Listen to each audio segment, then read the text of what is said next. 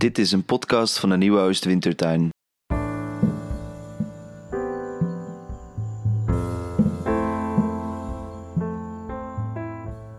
Welkom bij Radio Debuut, de online interviewavond in het kader van het Wintertuinfestival van de Nieuwe Oost Wintertuin.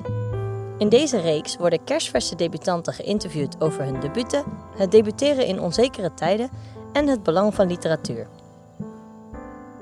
In deze aflevering ga je luisteren naar Selm Wenselaars in gesprek met debutant Maxime Garcia Diaz. Welkom bij Radio Debuut. Mijn naam is Selm Wenselaars en ik mag vandaag een debutant uh, interviewen. Ik spreek vandaag met Maxime Garcia Diaz en zij debuteerde onlangs met Het is warm in de Hive Mind. En uh, ik geef graag meteen het woord aan Dominique de Groen. Zij spreekt een laudatio uit. En daarna ga ik in gesprek met Maxime. Dag Dominique. Hallo, um, hallo ik ben Dominique. En um, ja, ik keek op voorhand uh, al lang enorm uit naar het verschijnen van Het is warm in de Hive Mind. Um, vorig jaar had ik uh, op mijn eigen DIY-label al een deel van de bundel gepubliceerd als chapbook, uh, artificieel. En dat vond ik echt, zonder overdrijven, de meest spannende poëzie die ik in tijden had gelezen. Um, in artificieel is er een soort van ja, constante spanning tussen de glinsterende en onwerkelijke oppervlaktes van de popcultuur en het spektakel, maar ook iets heel sinisters en duisters en gewelddadigs bijna dat daaronder broeit. Um, en fragmenten uit tabloidartikels um, worden even gemakkelijk in die tekst geïncorporeerd als flarde theorie en filosofie. Uh, Lindsay Lohan en Marie-Antoinette spoken zij aan zij door de tekst als een soort van kapotte gevallen prinsessen. En die uh, totaal oneerbiedige promiscuïteit waarmee verschillende werelden elkaar uh, besmetten en elkaar invaderen als onkruid, vond ik enorm fascinerend.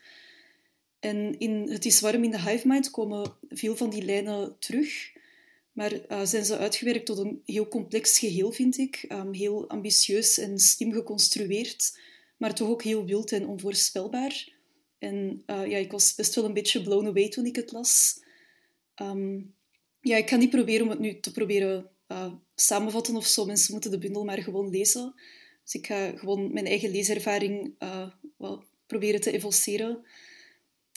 Ik heb de bundel ervaren als een soort van labyrint of een spookhuis bijna, met verschillende kamers waarin continu heen en weer wordt geshift tussen verschillende lagen van de realiteit. Droom, nachtmerrie, science fiction, het immaterieel digitale uh, en het belichaamde, het cute en kwetsbare en soms bijna kinderlijke en dan anderzijds ook duistere horror, waardoor je als lezer nooit helemaal op vaste grond bent of weet waar je aan moet verwachten. En ja, een van de dingen die ik het meest impressive uh, vind, is hoe Maxime een, een digitaal register heeft weten te vatten in een gedrukte bundel, onder andere door middel van emojis en soort van low-res afbeeldingen van het internet en linkjes. Um, en dat is echt niet evident om te doen zonder dat het geforceerd overkomt, maar hier is het gewoon super organisch. En het werkt ook heel goed, denk ik, in die soms bevreemdende combinatie met dan extreem lichamelijke en viscerale passages over bloed en baarmoederslijmvlies en iemand die haar organen eruit kotst. Het is ook echt een bundel over lichamen en over vlees. En dan specifiek ook meisjeslichamen. Um, als deze bundel voor mij een, labyrinthisch spookhuis was, dan dwalen er door elke gang van dat spookhuis meisjes, uh, anorectische meisjes, verdrietige meisjes, waanzinnige meisjes, bloeddorstige en bozaardige meisjes, kwetsbare, eenzame meisjes, immateriële digitale meisjes. En de bundel weet voor mij echt iets te vatten en weet ergens een vinger op een wonde te leggen van hoe het voelt om een meisje te zijn in de 21ste eeuw. Maar tegelijkertijd, en dat is voor mij ook uh, een grote kracht van de bundel, gaat het ook voorbij het louter omschrijven van die huidige ervaring van meisjes. De bundel voelt soms bijna aan als een ontstaansgeschiedenis van een post-human meisje van de toekomst. Um, dat geboren wordt, zoals er in de bundel staat, uh, diep in het systeemgeheugen en zich voorbereidt op onzuivere taken aan de horizon.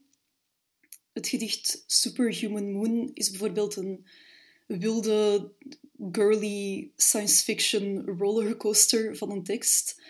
Ehm, het gaat over Floor Wolkenveld en zij is ehm, not made of mud and cannot dream of returning to dust. Wat een citaat is uit de Cyborg Manifesto van Donna Haraway, een filosoof. En in die tekst maakt Haraway vooral komaf met het idee dat er een soort van zuiverheid of puurheid is, of een oorspronkelijke staat van heelheid waar we naar kunnen terugkeren. Dus het idee is dat we altijd al besmet zijn en altijd al hybride zijn en dat er geen rigide grenzen zijn tussen mens en machine. En ook in deze bundel wordt zuiverheid radicaal afgewezen. Het is net uit besmetting en uit corruptie dat nieuwe dingen kunnen ontstaan. Dus in die zin kan de veelheid in die bundel, denk ik, nooit herleid worden tot een coherent geheel. Soms komen er wel een paar draden even samen, maar het blijft altijd een kluwe in plaats van een weefsel en een multiplicity in plaats van een duidelijk afgeleid lichaam. En in die zin voelt de bundel voor mij ook soms heel punk aan. Ehm, en meer specifiek dan cyberpunk. En ja, de, klas de klassieke cyberpunk-held is um, vaak een heel mannelijke soort van trickster-figuur die zich al die eindeloze prikkels en hoeveelheden data en informatie die op ons afkomen, um, ja, probeert toe te eigenen en op die manier de systemen van cybernetische controle probeert te ondermijnen en saboteren. En dat is ook heel erg de vibe die ik krijg in deze bundel. Alleen zijn de tricksters hier niet de mannelijke hacker cowboys uit de romans van William Gibson, maar zijn het meisjes in al hun kwetsbaarheid en onzuiverheid, um, die van al die digitale narratieven en lichamelijke brokstukken een soort van monsterlijk um, assemblage maken. Uh, ergens schrijft Maxime Girl Baby's Glitch Army. Um, dat vind ik een heel mooie samenvatting. Het is een soort van girly cyberpunk voor de 21ste eeuw. En ja, dat is voor mij iets dat deze bundel ook heel bijzonder maakt, denk ik. Dat, dat de gedichten geen genoegen nemen met alleen maar het in kaart brengen van een status quo, maar ook durven van er voorbij te kijken. En ik denk dat dat ehm, voor mij is wat poëzie in het allerbeste geval kan doen. Um, de horizon van het heden en van het denken open scheuren of open klauwen. En uh, in dit geval dan met roze glitternagels. Ja, voilà, dat zijn zo'n beetje mijn gedachten over de bundel. Ik ga dan eindigen met nog een vraag voor Maxime. Uh, dus voor mij zat er in de leeservaring soms iets heel dubbels, omdat het enerzijds echt een wildgroei is van taal en van beelden en referenties, fragmenten, citaten. En tegelijkertijd voel ik um, gaandeweg dat er onder al die veelheid, uh, die vaak heel spontaan overkomt, dat er tegelijkertijd wel ook een slimme opbouw in zit. Um, dat er echt wel bepaalde lijnen zijn die zich doorheen de bundel ontwikkelen en dat er een interne logica is die uh, vaak heel complex aanvoelt. En dus is mijn vraag er ook in um, ja, over jouw werkproces eigenlijk. Van in hoeverre is die bundel iets waar je heel planmatig aan hebt gewerkt en echt op voorhand wist van daar moet het naartoe? Of is het eerder gewoon iets um, waar je aan begonnen bent en dat gaandeweg is ontstaan um, en van we zien wel waar we uitkomen? Of, um, of heb je gewoon gigantisch veel materiaal verzameld en daarmee beginnen puzzelen? ja, daar was ik heel erg in geïnteresseerd bij het, uh, bij het lezen. Dankjewel, Dominique. Het is echt heel, het is echt heel erg mooi. Ten, ten eerste, het is echt heel erg mooi wat je allemaal zegt. En um, ik heb zoveel bewondering voor jou dat het heel bijzonder is om, ja, om zo mooi over mijn bundel te horen van jou. Um, maar om je uh, vraag te beantwoorden. Uh, ik denk dat uh, ik best wel misschien intuïtiever en gevoelsmatiger te werk ben gegaan dan, dan, dan je misschien zou denken. Omdat het dus inderdaad best um, geconstrueerde teksten zijn geworden of zo. Um, maar ik denk dat het verzamelen van materiaal en het soort van citeren en het um, de, de, ja, misschien de veelheid ook, maar dat dat ook heel erg voortkomt voortkwam in het begin uit een soort, bijna een soort onmacht tegenover de lege pagina.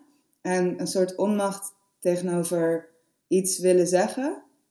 Dat ik misschien doordat ik in verschillende talen schreef toen ik aan de gedichten in deze bundel begon. Of ehm, nou ja, misschien ook andere redenen. Dat ik eigenlijk echt super veel stress ervaar aan het produceren van nieuwe taal. Dus ehm, dat iedere schrijver natuurlijk heeft, dat is een soort cliché van de lege pagina en de writersblok en het beginnen. Maar dat ik dat eigenlijk dat probleem ben gaan oplossen op een gegeven moment door andere taal die al bestond te verzamelen en die bij elkaar te zetten op een soort collage manier. Ehm, en dat ik op een gegeven moment, dat was misschien wel een heel artificiële soort van stap, dat ik dan op een gegeven moment dacht, oh hier moet meer normale poëzie in bijvoorbeeld. En dan schreef ik een stukje soort van normale poëzie in het Nederlands. En dan, ehm, omdat ik dacht dat het anders niet mocht of zo. Maar, en dat het vinden van taal, van die taal die ik dan gebruikte, of, of het schrijven van nieuwe taal, best wel vaak eigenlijk gewoon heel um, esthetisch of gefocust op schoonheid. Of wat ik dan uh, mooi vond, of interessant, of ehm, ja, dat ik niet eens vaak zoveel bezig was met wat ben ik precies aan het zeggen met dit gedicht, maar meer met wat vind ik cool of zo.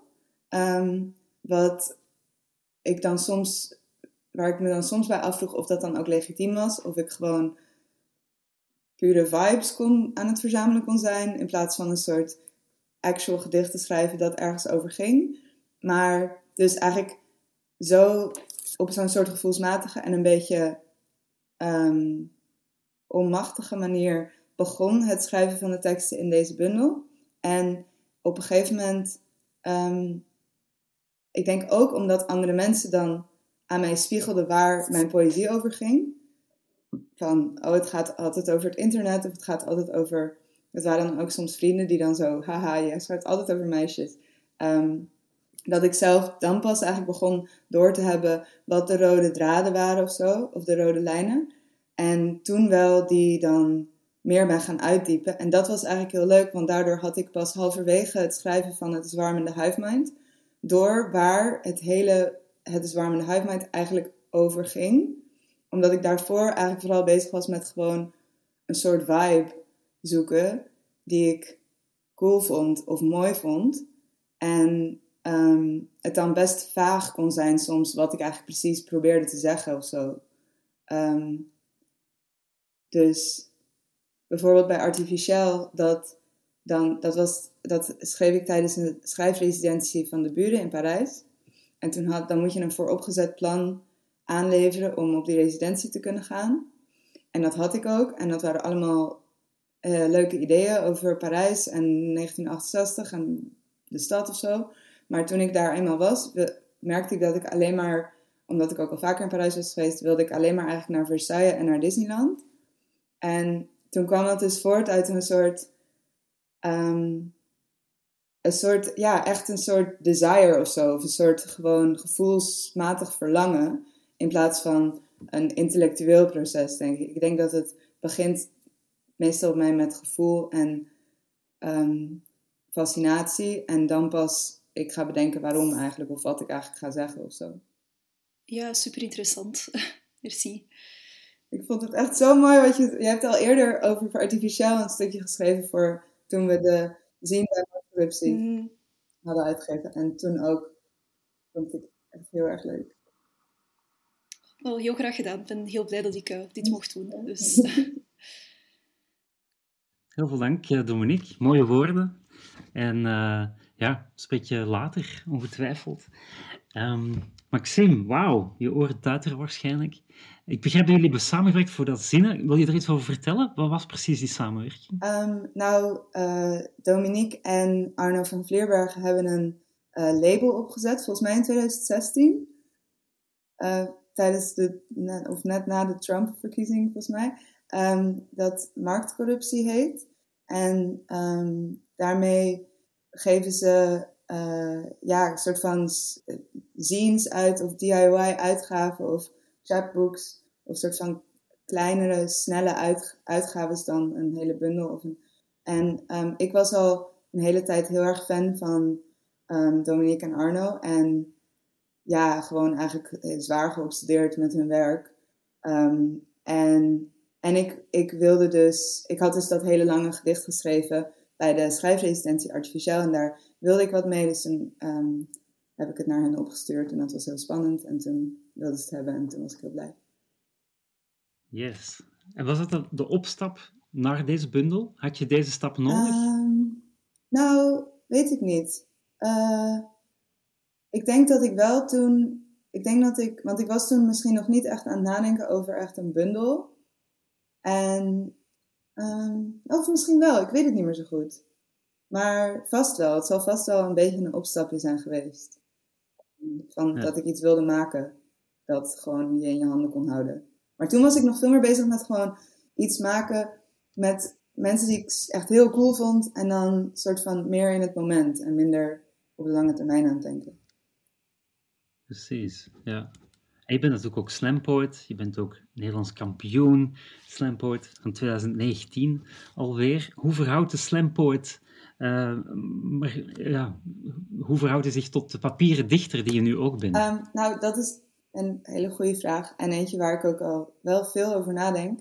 Omdat, um, nou, ik denk dat ik ben begonnen met optreden eigenlijk omdat het gewoon, niet per se omdat ik zo. Ik, ik schreef toen gewoon eigenlijk voor papier. En zoals, ja, zoals een gemiddelde soort van normale dichter. Um, maar het was een makkelijke manier om mijn teksten te delen. Met gewoon vrienden of andere jonge dichters in, bij mijn studie. Um, en zo ben ik een beetje een soort podiumdichter geworden. Omdat het gewoon een heel laagdrempelige manier was om om een soort van nou ja, lezers, eigenlijk luisteraars dan dus, te vinden. En um, toen heb ik ook wel tijdens, in de tijd dat ik heel veel optrad en dat ik dus ook aan het, uh, aan het NK meedeed, heb ik ook wel vaak moeite gehad met teksten die ik, waar, omdat als je aan het optreden bent, je altijd meteen reactie krijgt van het publiek en meteen voelt dat mensen het erop reageren. En dat je dan dus ook minder snel, minder crowd-pleasing gedichten schrijft en deelt. Omdat je moet dealen met soort van glazige ogen die je aanstaren. Terwijl als je gewoon iets schrijft, dan um, hoeft dat soort van niet. En ik denk dat tegen de tijd dat ik het NK had gewonnen, was ik eigenlijk wel klaar met de hele tijd optreden. En wilde ik ook meer gewoon uh, op het papier en publiceren. Um, en toen was ik ook al bezig met gedichten zoals sommige die in de bundel staan. Die bijvoorbeeld bestonden uit de tekst van een uh, internet-earl. Dus dat je dan op het podium moet gaan zeggen https slash slash bla bla bla bla um, dus dat voelde veel meer als papiergedichten dan als podiumgedichten. Omdat er, omdat er meer gebeurde op de pagina. Gewoon, eigenlijk. Ja. Vond je het spannend om te debuteren? Ja, echt heel erg. Ook omdat het best lang duurde, voor mijn gevoel. Ik vond eigenlijk dat na het NK dat de dat ik dacht eigenlijk, nou, nu moeten de uitgevers wel op me afkomen rennen. En dat bleek toen niet zo heel erg zo te zijn. Dus toen was ik een beetje zo, hallo. Um, en toen ben ik uiteindelijk zelf uitgevers gaan benaderen. En toen kwam de pandemie. En toen is mijn boek een paar keer uitgesteld. Dus ik ben ook denk ik pas uitgevers gaan benaderen toen ik al helemaal een manuscript had. Um, dus ik was al een hele tijd klaar. En dan duurde het maar en duurde het maar. En um, het is gewoon heel spannend dat het dan vaststaat en dat je er niks meer aan kan veranderen. En dat mensen er iets van gaan vinden. En dat het ook niet zoals op het podium gewoon één moment is. En dat als het dan, als het dan stom vinden, kan je het altijd nog aan. Je kan het de volgende keer weer aanpassen. Of um, uh, dat, ja, dat kan dan niet meer. En dat is, dat is heel spannend. Dat vond ik, heel, ik vond het vooral heel spannend wat mensen ervan zouden vinden. Omdat ik al een hele tijd in een soort van een literaire wereld rondliep en al een hele tijd had gezien hoe er boeken uitkwamen en hoe mensen daar dan wat van vonden. En ja dus dat vond ik heel spannend. Ja. Ja, je zegt het, de pandemie. Uh, we moeten het erover hebben. Want daardoor is het voortdurend uitgesteld, zeg je. Ben je ook blijven schrijven dan? Is het heel erg daardoor nou, het zou oorspronkelijk in februari van dit jaar uitkomen. En toen werd het april en toen werd het juni en toen werd het juli. En ehm, het, was al, oh, het was al af, maar ik heb wel dingen nog veranderd. En ik ben wel blij met die dingen. Dus het was ergens ook wel, ja, wel, uh, wel fijn. Maar ik denk ook dat ik eigenlijk nog door had kunnen schrijven. En dat ik gewoon nu nog steeds het warme huid aan het schrijven zou kunnen zijn. En dat het ook een beetje moeilijk of zo was om het dan af te sluiten. Omdat het, deze bundel voelde voor mij als een soort onderzoek naar iets. Wat ik ook nog wilde voortzetten. En wat ik ook kan voortzetten, maar niet meer voor dit boek. Ja. Heb je een volwaardige boekpresentatie? Nee, die is volgende week vrijdag. Ja, want dat zou dus uh, dat zou toen in juli komen, maar toen, um, toen was, was er een corona-scare. Oh. Ah, precies. Oh. Want eh, ik weet dat bij dichters die, uh, die boekpresentaties altijd een heel gul moment zijn. Dat dat momenten zijn waarop je elkaar ook heel erg voor het voetlicht plaatst. Is dat ook wat jij gaat doen? Ja, ja nou ja, ja ik, um, ik denk dat dat misschien ook komt omdat dichters veel op podia staan vaak. Maar ik, ik heb, omdat ik dus ook uh, voor mijn gevoel dus echt al jaren aan het optreden ben en dus ook in een soort literair landschap rondloop. Um, en al aan het wachten was om te debuteren en dus al eigenlijk al een jaar aan het nadenken was over wie ik dan zou willen uitnodigen. Dat ik het ook heel leuk vind om de mensen die ik heb ontdekt in die jaren. Um, ja, het is gewoon heel erg leuk om uh, een line-up te maken sowieso. En dan om soort van iedereen te kunnen verzamelen die je zo erg heeft beïnvloed. En die je zo bewondert. En die eigenlijk allemaal een soort van onderdeel zijn van het boek of zo. Omdat ik ze heb gelezen en ik van dingen van ze heb gehad. En... Oh, yes. Wil, wil je een shout-out doen? Wil je, wil je een paar nou, mensen... Um, sowieso, ik bedoel, ik zeg maar... Um, ik heb geprobeerd om niks letterlijk te jatten van Nederlandse dichters die op dit moment... Ik heb wel bijna... Dat was wel grappig, omdat... Um, uh, ik ben zo extreem fan van Dominique. En ik weet 100% zeker dat ik niet dit boek zou hebben geschreven als ik niet zijn vijf jaar geleden, vier jaar geleden Shopgirl zou hebben gelezen. En daarna um, Sticky Drama en Overlam en alles. Um, en ik had wel een moment tijdens het schrijven, ik leen dus heel veel tekst en heel veel taal. Maar uh, ik vind het wat anders om iets van Donna Haraway te lenen dan iets van een andere dichter. In, in, maar toen had ik een zin in het gedicht dat uh, Dominique noemde, Superhuman Moon, had ik zo'n zin over de rand van de geschiedenis en onkruid. En toen dacht ik, jeetje, wat een mooie zin. Dat heb ik echt goed bedacht. En, toen, en ik dacht een beetje, het, het, klinkt ook niet helemaal als iets wat ik zou bedenken. En toen las ik later um, Bacterial Girl, wat de zine was die Dominique had uitgegeven bij Mark Rupsi, die later Sticky Drama haar tweede boek is geworden. Um, en toen zag ik zo'n zin die precies ging over uh, de, soort van stranden van de geschiedenis of zo. Dus toen heb ik dat wel veranderd, omdat ik dacht, dat is too much of zo. Maar dat is echt zo hoe alles zo doorcijpelt. En hoe, ja, hoe ik soort van eigenlijk gewoon een soort dingen reproduceer en zo. Aha. Is er een soort erecode? Of mag je gewoon eindeloos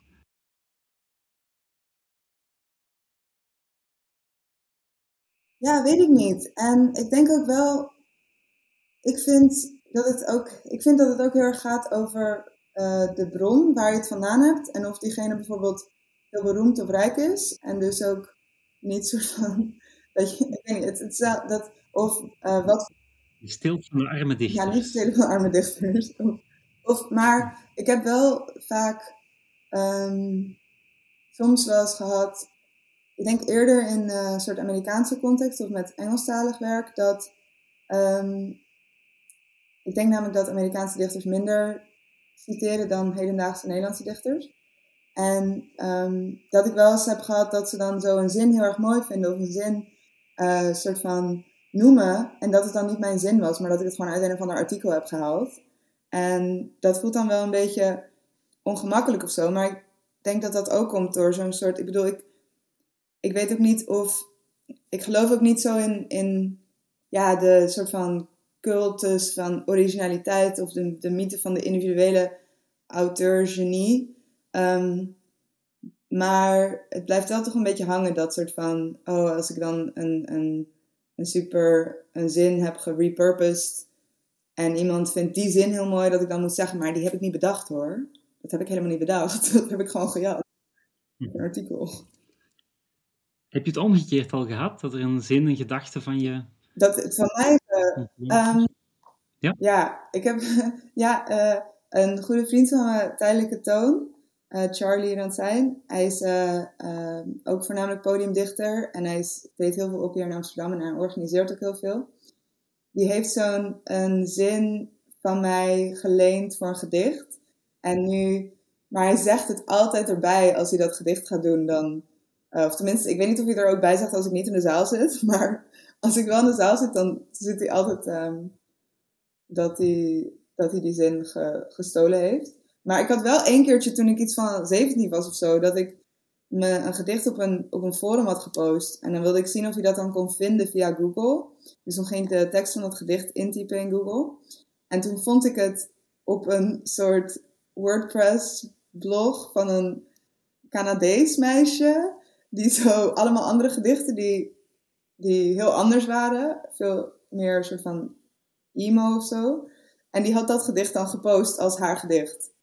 Ehm, en al haar vrienden hadden er zo op gecomment van, oh wat mooi. En toen was ik helemaal zo, helemaal van slag of zo. En toen ging ik zo WordPress een contactformulier invullen en zo. En toen hebben ze het weggehaald. Maar ze hebben het weggehaald, inderdaad. Omdat ik mijn intellectual property had geberoepen, op had geberoepen of zo. Maar dat was ook omdat het gewoon integraal, ge, dat het gewoon het hele gedicht er stond en, het, en ze het claimden als haar gedicht. Um, maar ja, ik weet, niet, ik weet niet of ik het nu. Het is, in andere contexten zou ik dat niet erg vinden. Precies. Hey, Maxime, zou jij iets anders kunnen zijn dan een dichter? Um, ik, ik, zou, ik zou ook wel, uh, maar dat is ook, ik, ik ben ook uh, taalleraar soms, een beetje. En ik zou op zich, dat zou ik wel kunnen zijn. Maar ik zou ook heel graag lesgeven in poëzie. Dus dat heeft eigenlijk weer te maken met dichter zijn.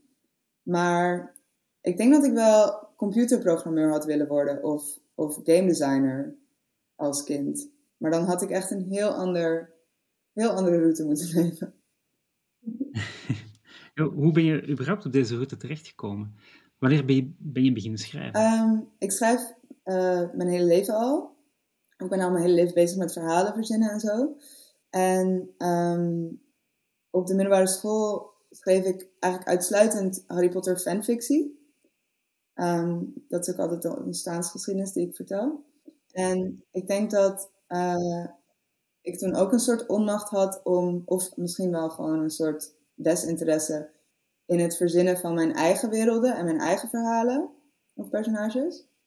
Um, dus dat in plaats van dat ik ben overgegaan toen op gewoon origineel proza van de fanfictie, ben ik gewoon overgegaan op poëzie. Toen ik 17 was of zo.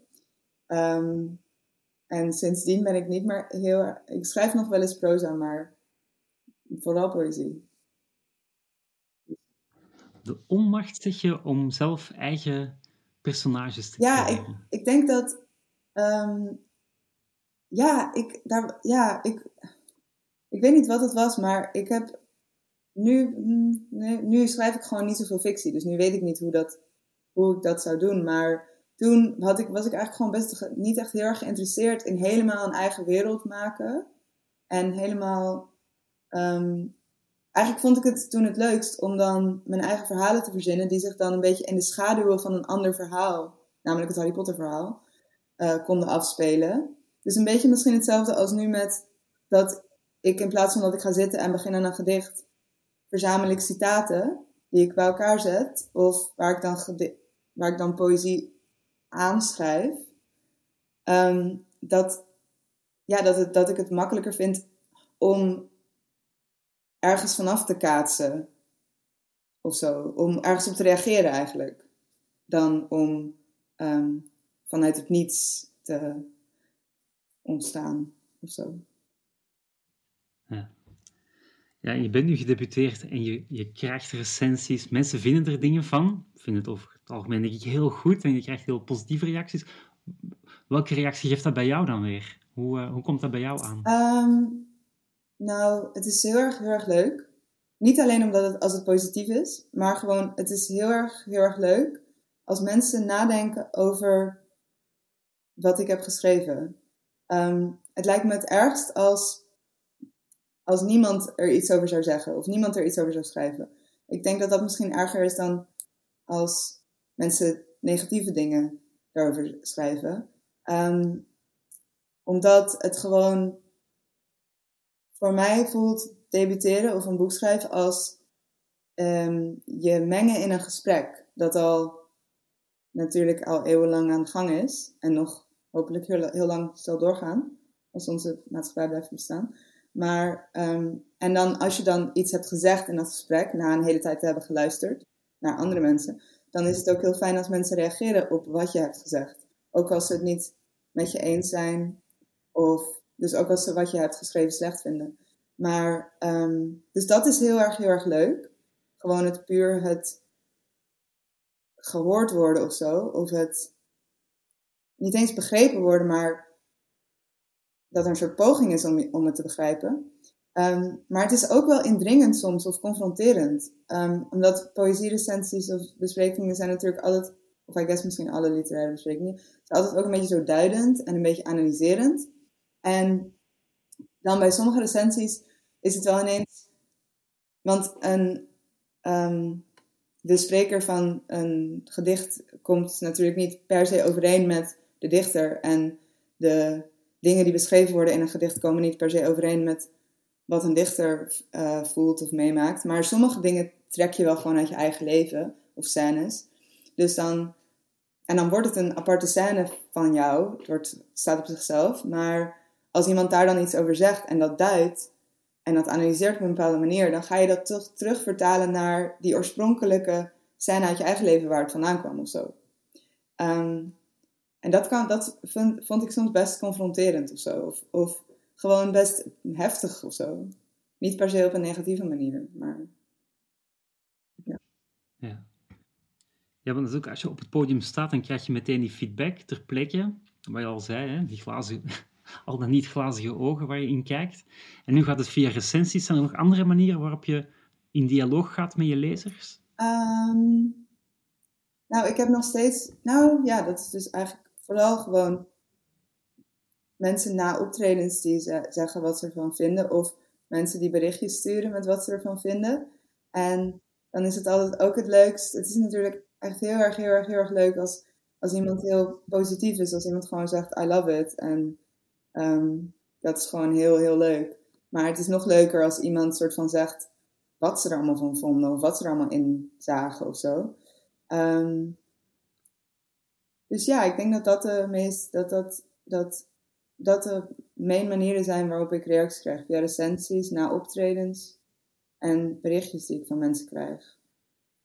Maar dat is wel heel bijzonder dat mensen gewoon onafhankelijk van mij het boek aan het lezen zijn. En dat is ook anders dan het podium, want op het podium heb je zelf controle en bepaal je zelf wat mensen horen. Maar dit boek is gewoon in de winkel en iedereen mag het kopen en niemand hoeft mijn toestemming daarvoor te vragen.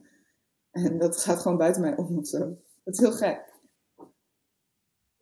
Ja, is het gek en, en is het ook eng? Ja, jawel, want je hebt echt veel minder... Nou ja, bijvoorbeeld, ik had het vandaag over uh, dat, nou ja, als je een boek uitbrengt, dat je natuurlijk op een gegeven moment na gaat denken over uh, literaire prijzen en nominaties en of je dan wel of niet genomineerd gaat worden en zo. En dat bij een poetry slam ben je er soort van de hele tijd zelf bij. Dus um, heb je zelf totale controle over wat er gebeurt. En dat is heel eng, maar ook best wel fijn. En bij een boek is het gewoon, je hebt gewoon een boek geschreven. En de bedoeling van het boek was niet per se om een prijs te winnen of zo. Het was gewoon om dat boek te schrijven. Maar dan gaan mensen het wel een soort van beoordelen als voor. Snap je wat ik bedoel? Bijvoorbeeld bij het NK had ik echt zo mijn optreden ge, gespitst op dat ik wilde winnen. Ehm, maar dit boek heb ik niet ergens op. Dit boek heb, was, is gewoon mijn boek dat ik heb gemaakt omdat ik dit boek wilde maken.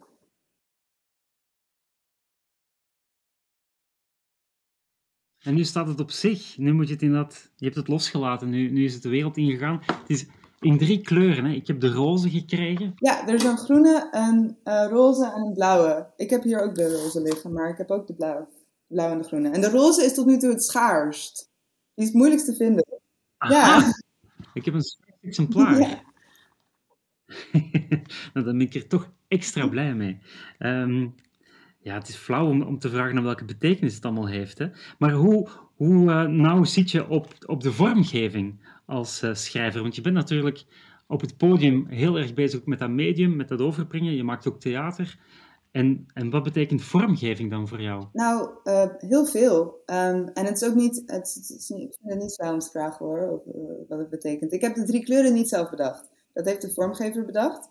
Um, maar ik vond het uiteindelijk dat is eigenlijk een beetje hetzelfde proces. Dat ik pas naderhand bedenk wat het dan betekent. En dat, wat het eigenlijk voor mij betekent is dat er niet één officiële versie van het boek is. En ook wat ik leuk vind is dat je dus niet op het internet kan je niet bestellen en dan een kleur kiezen. Omdat in de systemen van het Centraal Boekhuis zijn die kleuren hetzelfde. Zeg maar, kan je niet differentiëren tussen die kleuren. En dit vind ik zo'n grappig en leuk feit. Um, dat dus in de soort van virtuele representatie van de fysieke objecten, is, is, het hetzelfde, is het dezelfde kleur, is het hetzelfde object. Maar als je dan in de fysieke werkelijkheid, dan valt het eigenlijk uiteen in verschillende kleuren, verschillende versies. Um, maar dat, dat is dus iets wat de vormgever had bedacht. En um, een hele goede en leuke vormgever van de bezige bij, Michael Snitker. En, maar ik was wel best, denk ik, um, een beetje control freakerig ik had het ook opgestuurd als manuscript met allemaal plaatjes erin. En dan later zeiden mensen, oh, je moet het wel opsturen in uh, Times New Roman 12. Want anders lezen ze het misschien niet eens. Dus dacht ik, ja, maar ik heb het nu al opgestuurd met echt zo 27 emojis erin. Dus, um, dus ik was best wel... Uh, ik vond het ook wel moeilijk om het los te laten en dat dan een soort professionele uitgeverij ook allemaal ideeën heeft over hoe het eruit moet zien. En, en dat soort van ja, in, in mijn eigen gedichten kan ik gewoon alle lettertypes gebruiken die ik wil en alle soort van plaatjes er doorheen gooien die ik wil. En kan het allemaal heel DIY en, en, en um, ja, precies mijn smaak of zo. Maar een boek maken is natuurlijk een soort samenwerking met een, ja, met een bedrijf, met ook allemaal mensen die allemaal meningen hebben. Um, dus ik heb best veel denk ik zelf bedacht. Ik heb ook het beeld op, de omslag, op het omslag heb ik um, zelf gemaakt aan de hand van een afbeelding die ik waarschijnlijk niet had mogen gebruiken. Dus dat. Dan. Maar, um, maar de soort, de, het is wel heel leuk om dan samen te werken met een vormgever die gewoon denkt, die gewoon visueel denkt. Dus die allemaal ideeën heeft, die gewoon, ja, aan die vormgeversidee. Dat is echt leuk. Inspringingen en, en, en ritmering in de tekst, in hoe dat die geplaatst is. Zat je daar heel kort op? Ja, ja maar dat is denk ik daar, dat is ook. Uh, um, ik denk omdat dat de uitgevers daar wel aan gewend zijn, omdat het zo echt heel erg onderdeel is dan van de poëzie. Maar um, het is wel gek dat je dan bijvoorbeeld je gedicht moet aanpassen, omdat het gewoon de bladzijde niet eindeloos is. Dus oh, dat je bijvoorbeeld een regel af moet breken ergens, omdat de pagina gewoon eindigt. Um, dat je dan, ja, dat het niet meer alleen een inhoudelijke keuze kan zijn, maar een vormelijke. Precies, ja. Je hebt niet het gevoel dat je je ziel verkocht hebt of dat je compromis hebt moeten sluiten. Nee, ik denk dat, ik denk ook dat, om, juist omdat ik mijn manuscript had opgestuurd met allemaal plaatjes en gekleurde letters en zo, dat, um, want je hoort wel eens over schrijvers, dichters denk ik minder, maar schrijvers in het algemeen, die heel weinig inspraak hebben over hun omslag of over hun vormgeving. Um, en ik denk dat ik had echt het tegenovergestelde. Ik had superveel inspraak, misschien wel te veel soms, maar um, misschien dat ik alvast door het opsturen van mijn manuscript op, als een soort ja, festijn van kleurtjes en plaatjes, had ik al bijna aangekondigd dat het zo zou gaan. Dus hadden ze dat al een beetje geaccepteerd. Dus dat, nee, ik heb niet het gevoel dat ik mijn ziel verkocht heb. Wel maar op een leuke manier. Nee, het is een heel bezielde uh, bundel. Het heeft mij ook open gescheurd. Uh, nu leen ik dan weer een woord van Dominique, denk ik. En ik voel me ook onmachtig, dat is weer een woord van jou. Uh, bij momenten. Um, ik heb het even geprobeerd om het zonder schermtijd te doen, maar dat is natuurlijk zelfs niet de bedoeling, denk ik. Ik heb er een bepaald moment vrolijk op losgegoogeld en, uh, en die URL's keurig overgetikt. Oh, wat leuk. Ja, dat is precies, dat is precies wat ik hoop dat je nieuwsgierig wordt. Ik zou dat namelijk ook zijn. Ja, want ik, ik merk gewoon een heleboel van die referenties. Ken ik niet, heb ik niet, ga ik naar op zoek. En dan gebeurt er eigenlijk volgens mij ook wat jij beschrijft als je maakproces. Je blijft gewoon doorklikken. Dus ik, ik ging altijd weer verder weg en moest dan weer terug naar het, uh, naar het papier om daar weer aansluiting bij te vinden. Maar ik kon eindeloos doorklikken. Ik vond altijd weer nieuwe ingangen en nieuwe, nieuwe inspiraties. Zoals Audrey Wallen uh, bijvoorbeeld. Maar die bracht me dan weer naar Instagram. En die had dan weer net een artikel geschreven, enzovoort, enzovoort. En zo klik je vrolijk een eind weg. Ja, wat leuk. Precies dat. Ja, want het is een Audrey Wallen, maar ook Dominique de Groen. Het zijn allemaal generatiegenoten ook. Hè? Het zijn mensen die, die, die kort bij je zitten. Kan je, kan je iets zeggen? Is er iets als een generatie? Is er iets van jullie, ja, uh, nou ja, jullie kenmerk? Ik denk dat... Um, ik denk dat... Ik ben echt superveel eigenlijk te veel bezig met het concept van generaties. En ik ben heel erg gefascineerd door het idee van generatie. Um, in het algemeen, niet alleen met schrijvers. En ik denk dat ik zelf merkte dat dat... Dat is ook echt ineens in de mainstream gekomen op een gegeven moment. En dat merkte ik ook. Um, want ik zat zo tien jaar geleden of zo superveel op Tumblr. En als je dat deed, dan um, kreeg je eigenlijk... Ja, ik weet niet. Dat is een beetje waar heel veel van internetcultuur van nu begonnen is. En dat op een gegeven moment het heel erg veel ging over millennials en boomers. En daarvoor hadden we het helemaal niet echt over. Het is alsof millennials de eerste, of nou ja, dat, het, dat, dat het ineens met de millennials heel erg veel ging over een generatie. En, en um, de jonge mensen van nu en wat hen allemaal onderscheidt van de, van de oude mensen van toen of zo, of de jonge mensen van toen. Um, en dat we, ja, dat, dat dat het nu echt zo'n heel rigide uh, discours is geworden van... Oké, je hebt dan de boomers, dan heb je Gen X, dan heb je de millennials, dan heb je Gen Z, dan heb je daarna Generation Het is een heel soort van... Um, en dat er ook allemaal hele rigide karaktereigenschappen worden toegeschreven aan die generaties. Um, dus, dus ik denk... Ik voel me heel erg onderdeel van een generatie, maar ook een soort hele self-aware generatie. En ook een beetje een artificiële generatie die gewoon bestaat omdat mensen hebben bedacht dat we het nu heel erg veel over generaties gaan hebben. Maar ik denk wel dat, uh, literair gezien, voel ik me in ieder geval wel heel erg onderdeel van een bepaalde generatie. Of, of misschien ook, ja, ik weet ook niet. Ik vind het ook soms uh, stom als het te veel dan op leeftijd gefocust is. Alsof uh, ja, alleen twintigers interessante poëzie kunnen schrijven. Of alsof, weet je, dat, dat, dat, dat, in de, dat de nieuwe garde ook altijd een soort van de jonge garde moet zijn of zo. Um, maar ik denk wel dat er, ik, ik zie tenminste wel veel dichters omheen waar ik veel verwantschap mee voel en dezelfde fascinaties mee ervaar. En dat is ook een beetje zo voor mij het idee van een hive mind, van een um, collectief, collectieve intelligentie of een soort samen nadenken. Um, en ik vind het wel een interessante gedachte hoe ik nu zou schrijven als ik, als ik nooit de boeken van Dominique en Arno of Nadia Fries of andere dichters had gelezen. Want ik, ik denk dat ik misschien meer dan andere dichters nog heel erg dingen helemaal opneem en absorbeer. En um, ik denk dat ik totaal andere poëzie zou schrijven misschien nu, als ik niet die generatie had gevoeld om me heen of zo. Ja. Ja, je, je mengt van alle stijlfiguren, registers, je plukt uit van alles. Je, je bent, denk ik, ook heel politiek geëngageerd, dat weet ik wel zeker. En je gebruikt ook een bepaalde humor, die ik dan ironiserend zou noemen. Uh, en, en ik verdwaal daar soms. En ik vraag me af of dat, dan een soort generatie, tussengeneratie, volgens mij schil een halve generatie, uh, is. In, in die... Um, ironisering van de popcultuur. Uh, dat is ook deels je achtergrond. Hè? Je hebt uh, cultural analysis gestudeerd. je bent denk ik heel erg gefascineerd door die popcultuur. Um, Hoe ernstig ben je daarmee met die popcultuur? Nou, ik denk, ik denk dat. ehm, ik, trouwens, over. Ik, vind, ik, wil, ik hoop wel altijd dat. Ook als mensen verwij als verwijzingen over iemand. eh, zeg maar. eh, als verwijzingen langs iemand heen gaan. Of als. Ik vind het eigenlijk. Het, een van de leukste dingen vind ik als mensen die, met wie ik echt bijvoorbeeld 40 jaar verschil.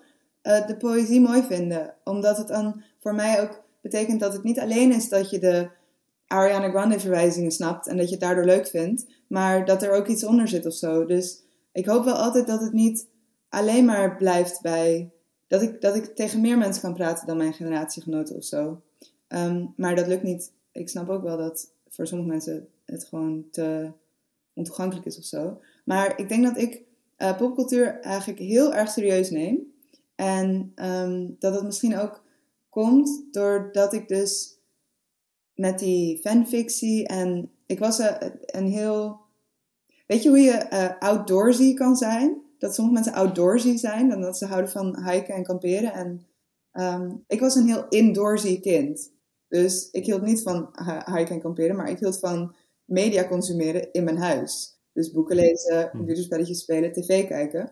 Dus dan wordt je wereld eigenlijk een soort van echt doordrenkt van allemaal fictie en allemaal ehm, ja, popcultuur die even echt is als de echte wereld.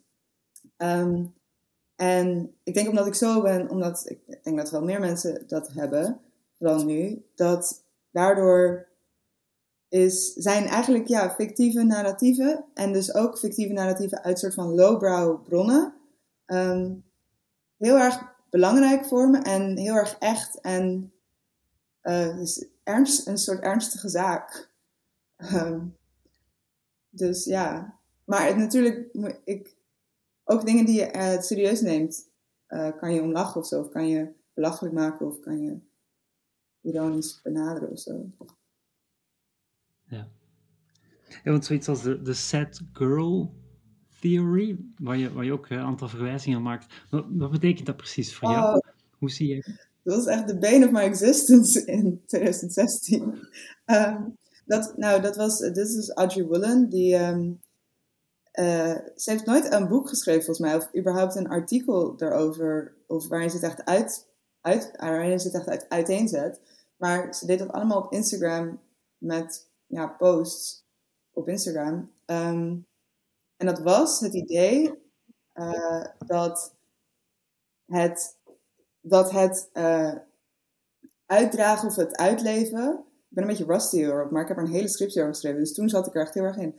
Maar ehm, het uitdragen of het uitleven of het soort van enacten van verdriet of woede, maar vooral verdriet en pijn door een meisje of een vrouw, dat dat kan dienen als, ehm, als een soort verzet of een soort strijd, omdat het blootlegt het eh, soort van patriarchale geweld of de patriarchale onderdrukking die dat verdriet heeft veroorzaakt. Een beetje, vroeger kon ik het een stuk bondiger uitleggen, maar het is bijvoorbeeld onderdeel van die, en het, het, is, ook, het is ook in gesprek met een soort veel grotere tendens in feministische theorie, in bijvoorbeeld de 20e eeuw, dat van de mad woman, Ehm, zoals de mad woman in the attic in Jane Eyre. Ehm, en het idee dat die mad woman, in de literatuur, dat die dan ook symbool staat voor een soort feministisch verzet, eh, maar een heel onmachtig ook en een heel verwrongen verzet.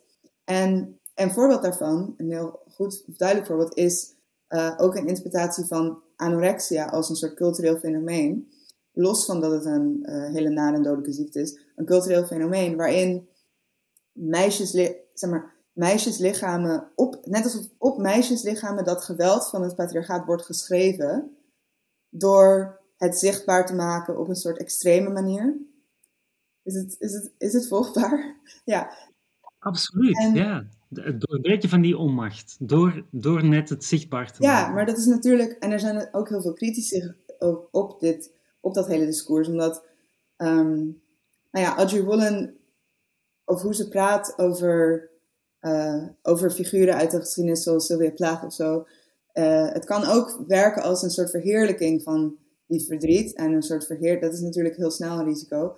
um, een verheerlijking van hele nare situaties. En er zijn ook wel feministische theoretici die dan hebben gezegd: ja, maar dit is een hele mooie metafoor, maar uiteindelijk zijn, zijn het al gewoon vrouwen die doodgaan of gek worden. Of whatever. En dan kan je ze wel als een soort mooie cultureel figuur beschouwen, maar het zijn ook echte lichamen die echte levens leiden en die daaraan ten onder gaan of zo. Maar ik vond dat, um, ja, dat is dus vooral een paar, paar jaar geleden dat, dat, dat, me echt in, dat ik echt in de ban was van de sad girl of het gevoel, figuur van de mad woman. En dat is heel erg in deze bundel terechtgekomen, denk ik. Ja, ja zeker. Ja. Ja, mm, eh, het, is, het is niet dat er een eigen persoonlijke onmacht uitspreekt, maar, je, je wil wel duidelijk ergens ruimte voor maken. Je claimt wel een plek voor een bepaald een andersoortige vrouwelijkheid, een, een, een kwetsbaarheid, een naïviteit misschien zelfs. Uh, nou, ik denk wel dat bijvoorbeeld de Sad Girl Theory, toen Audrey Woolen dat heeft ontwikkeld, was het heel erg zo'n reactie op een soort girl power feminism, of een soort ra, zeg maar, uh, wat we nu zouden zeggen, de girl boss, of Sheryl Sandberg, die zegt lean in. Um, en dat uh, Audrey Woolen toen heel erg zei van, um, ja, dat, dat destijds er heel erg zo'n tendens was om te zeggen van, oh, it's so cool and fun to be a girl, and girl power, en dat, en dat zij dan zei, but it isn't really cool and fun to be a girl. It's actually an experience of terrifying alienation. En dat is zo, dat is heel dramatisch en heel intens, maar ik vond, ik, dat trekt me ook wel aan. Maar ik denk dus dat, um, nou, waar uh, Dominique het over had, wat het, het concept van corruptie of besmetting of onzuiverheid is echt super belangrijk voor me. Dus ik ben ook niet. Ik denk ook dat eh, voor, mijn idee van vrouwelijkheid of feminisme is dat ook heel belangrijk. Dat, ja, dat soort van. Oké, ik weet niet, het is moeilijk om, om dit te verwoorden precies, maar. Ja, dat ik niet per se geïnteresseerd ben in een soort. Uh, in een soort van, oh, dit is dan empowering voor vrouwen, of dit is dan niet empowering voor vrouwen, maar meer gewoon um, het idee van het vrouwenlichaam dat in die kluwen zit van empowerment en het patriarchaat en, en al, dat, al dat, en sowieso lichamen, niet alleen vrouwenlichamen, maar die soort van entangled zitten in al die systemen en al die normen en zo, dat, en dat ik niet per se geïnteresseerd ben in daaruit komen, omdat ik niet echt geloof dat dat kan. Maar binnen dat, die besmette ruimte een soort van betere omstandigheden creëren. Of betere verhalen misschien eerder. En betere... Snap je wat ik bedoel? Zo van, het is niet... Je kan dat niet oplossen. Of je kan het niet wegmaken. Het is er al. En je, het heeft ook iets te maken met dat... Bijvoorbeeld dat als meisje, dat je niet echt... Dat je, oh, als je dan je conformeert aan schoonheidsidealen, dan conformeer je je. Maar als je je expres niet conformeert, dan conformeer je eigenlijk ook. En er is eigenlijk no way out in die zin. Dus dan kun je beter daar gewoon blijven en daar op, die, op dat punt iets proberen te vinden of zo. Is dat? Ja. Het doet me ook heel erg denken, eh, nu je er zo over vertelt, um, over het boek van Helene Hogekamp. Ik weet niet of je het gelezen hebt ik vond het ook een heel beklemmende leeservaring om, om, om vanuit dat perspectief van, van jonge vrouwen, meisjes, ehm, te kijken naar hoe dat die wereld functioneert, die, die zoveel malen complexer is dan, dan zoals ik het heb beleefd, of beleefd doorgaans. Ehm, ja, die, die beknelling, uh, die voel ik opnieuw. Um, die overspoeling van inderdaad al die uh, beelden die op je gekleefd worden, op geplakt worden, dat, dat zelfbeeld dat daar ook onder leidt en onder kreunt.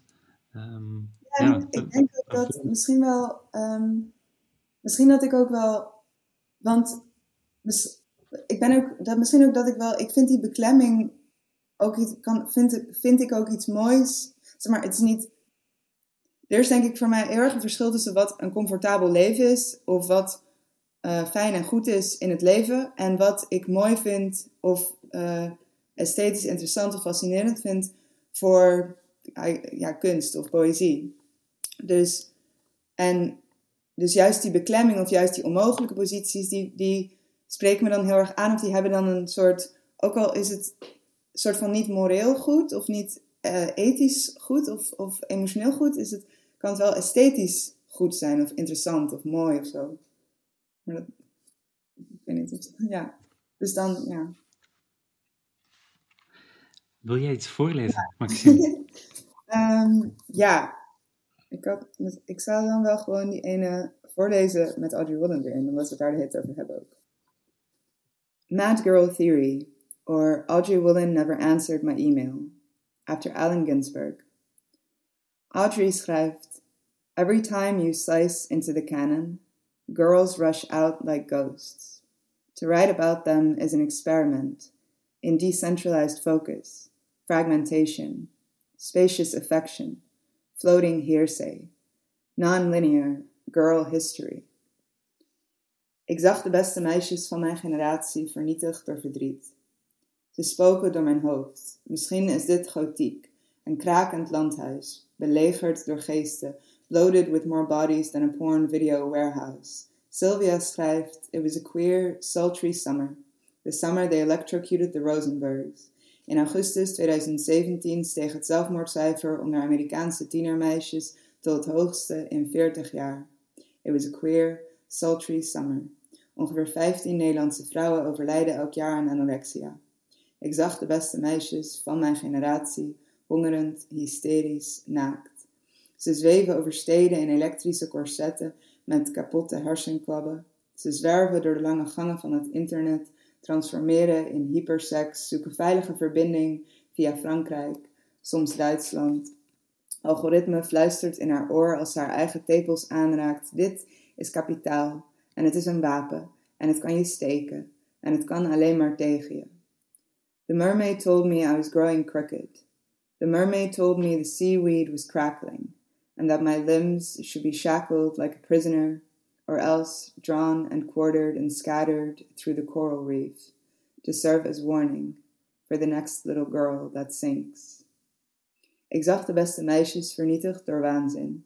Er was een meisje dat elektroconvulsietherapie kreeg in een ziekenhuis en precies op de juiste, cinematische manier stijp trekte. Er was een meisje dat haar zakken vulde met stenen en de rivier inliep. Er was een meisje met haar hoofd in de oven. Er was een meisje, er is altijd een meisje, er zal altijd een meisje zijn dat stuip trekt. The mermaid said, Describe yourself in one word. I said, Maybe. I said, Mercury. I said, Girl. I said, A burgeoning and interdisciplinary field of critical girlhood studies. I said, Human. I said person. I said person question mark. I said mutation. I said disorder. I said diagnosis. I said eating disorder not otherwise specified. I said personality disorder not otherwise specified. I said not otherwise specified. I said person exclamation mark. Andrea schrijft, I'll define as female any psychic operation in which the self is sacrificed to make room for the desires of another. Er is altijd een meisje dat bij de H&M werkt en zij is altijd eigenlijk een mythisch wezen. Je kijkt op haar neer, maar elk meisje dat bij de H&M werkt is een mythisch wezen in mom jeans. Elk meisje dat bij de H&M werkt is een zeemermin, een weerwolf, een basilisk, een chimera. Ooit was ik een meisje dat bij de H&M werkte en pulkte ik aan de korsten op mijn roestende scharnieren. I said girl. I said woman.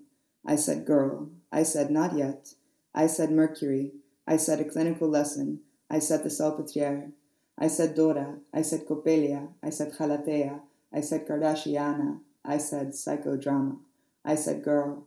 I said sorry the snow melted on my cheek when my eyes are black discs and purple heart punches and I couldn't see the horizon through these powdered freak fires.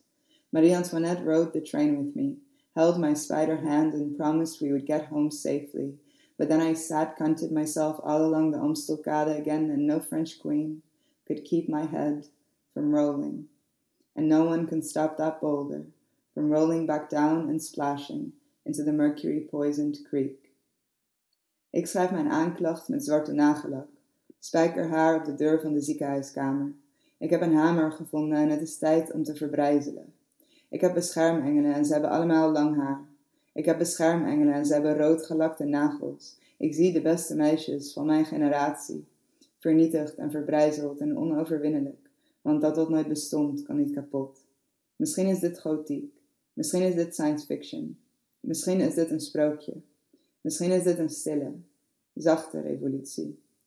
I said girl. I said untethered. I said human. I said horror. I said girl. I said girl. I said girl, girl, girl, girl, girl, girl, girl. I said rage. I said ruin. I said mortification.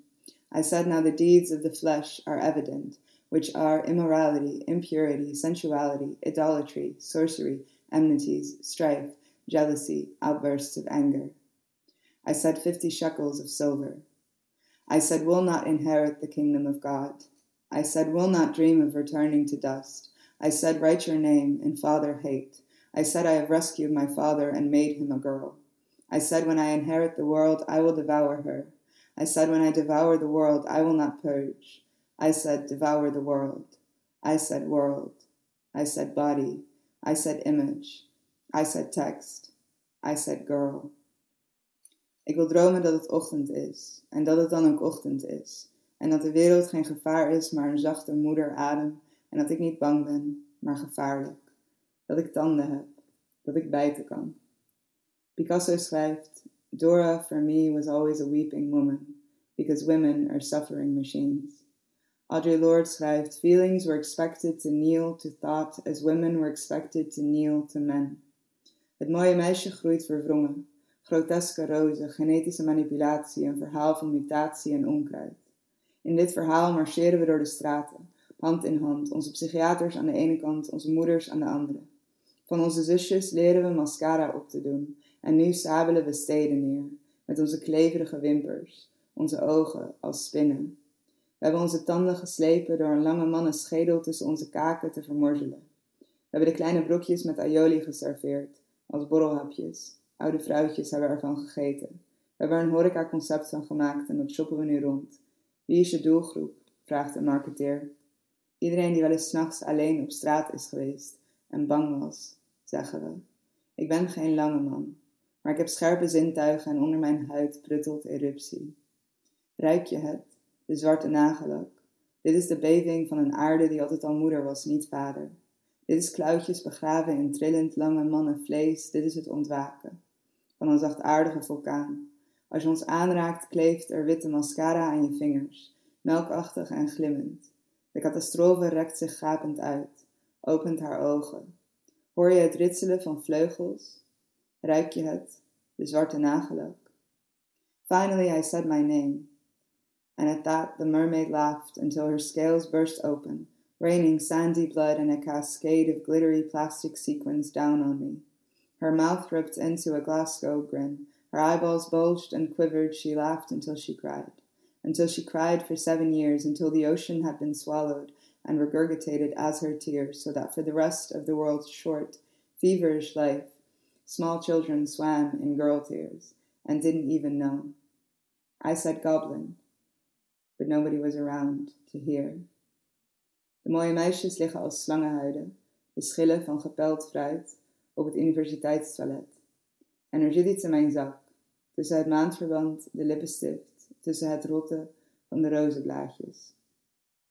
Kijk, het is zwart gelakt en glanzend en het ruikt naar kentering. Dankjewel, Maxime. Je hebt niet gezucht aan het begin. Meestal, als je op het podium staat, dan hoor ik je altijd heel laat zuchten. Um, om de een of andere reden ben ik altijd buiten adem. Ik denk ook door uh, zenuwen als ik op het podium sta. Maar ik ben ook gewoon, ik rook al best lang en ik denk dat ik gewoon heel slecht ben in mijn ademhaling soort van goed reguleren. Dus ik moet altijd even zuchten voordat ik begin.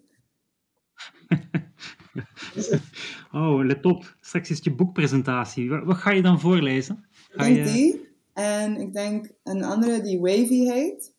Maar ik ga heel erg, ik wil ze graag uit mijn, want uh, veel van deze gedichten, nou, de helft misschien, die kende ik vroeger uit mijn hoofd.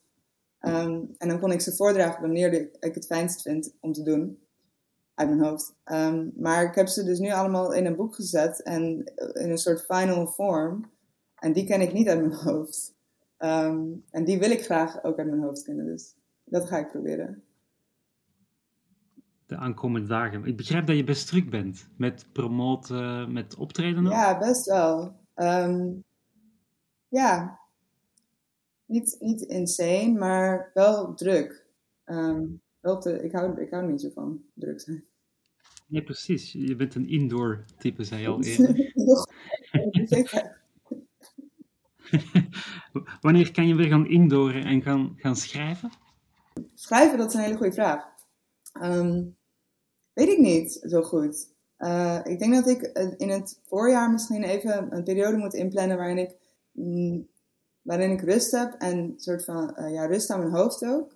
Want als je zo als soort van als je zo als een soort professionele schrijver bezig bent, dan ben je ook snel alleen maar voor opdrachten aan het schrijven of met optredens bezig. In plaats van gewoon dat je in stilte, indoors, iets kan laten ontstaan, alleen maar omdat je dat wil schrijven. En niet omdat iemand je heeft gevraagd of je iets kan schrijven voor een themanummer. En weet je. Dus ja, dat moet dan. Moet ik even in. De reactie. Ja, in de reactiestand staan. Ah, ik gun je heel veel indoor tijd tussen, tussen het optreden en het promoten door. Je hebt een prachtige bundel geschreven. Uh, ik ben me meer dan ooit bewust geworden van dat ik zelf ook deel van een generatie ben. en wel van die spoiled generatie die dacht dat het einde van de geschiedenis was aangebroken. Ook heel. Daar rouw ik nog, nog elke dag om. Ja.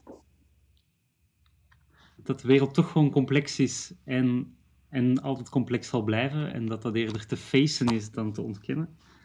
Dank voor, uh, voor het gesprek ook. Volgende week zie ik Lisa Weda.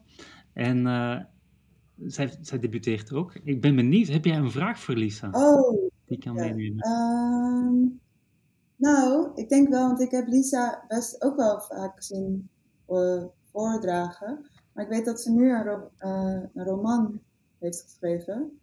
En ik vraag me af hoe zij aankijkt tegen voordragen versus schrijven op papier of gelezen worden op papier.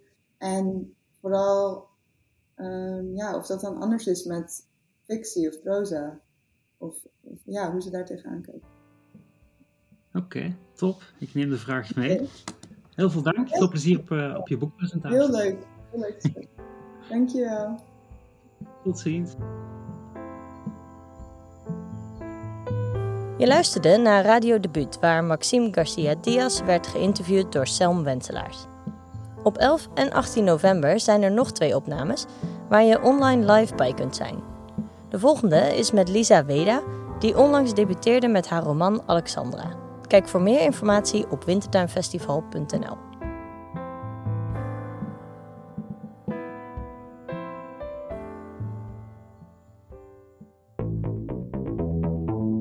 Dit was een podcast van de Nieuwe Oostwintertuin. Volg ons via jouw favoriete podcast-app voor meer podcasts over verhalen, literatuur en schrijven. Tot de volgende keer. Ja, maar ik, ik weet niet zo goed wat ik anders moet doen. Ik bedoel, het is een beetje alsof je zegt, ja oké, je krijgt een klap in je gezicht. Terwijl je het het minst verwacht, want ik liep gewoon mijn boodschappen te doen. Of ik loop gewoon op mijn werk of iets. Maar je mag niks zeggen. Want anders wordt het erger. Maar je, je, hoeft niets te zeggen. Ja, nou, ja, maar... Je kan ook niks zeggen. Je zet al die spreadsheets op je bureaublad, totdat dat vol staat. Je maakt er een backup van, van niks in feite, en begint opnieuw. De koeling wordt gedaan met permafrost. Je kan hier echt woedend over maken. En wat zou nu de afgelopen maanden zeggen hè, op die conferenties?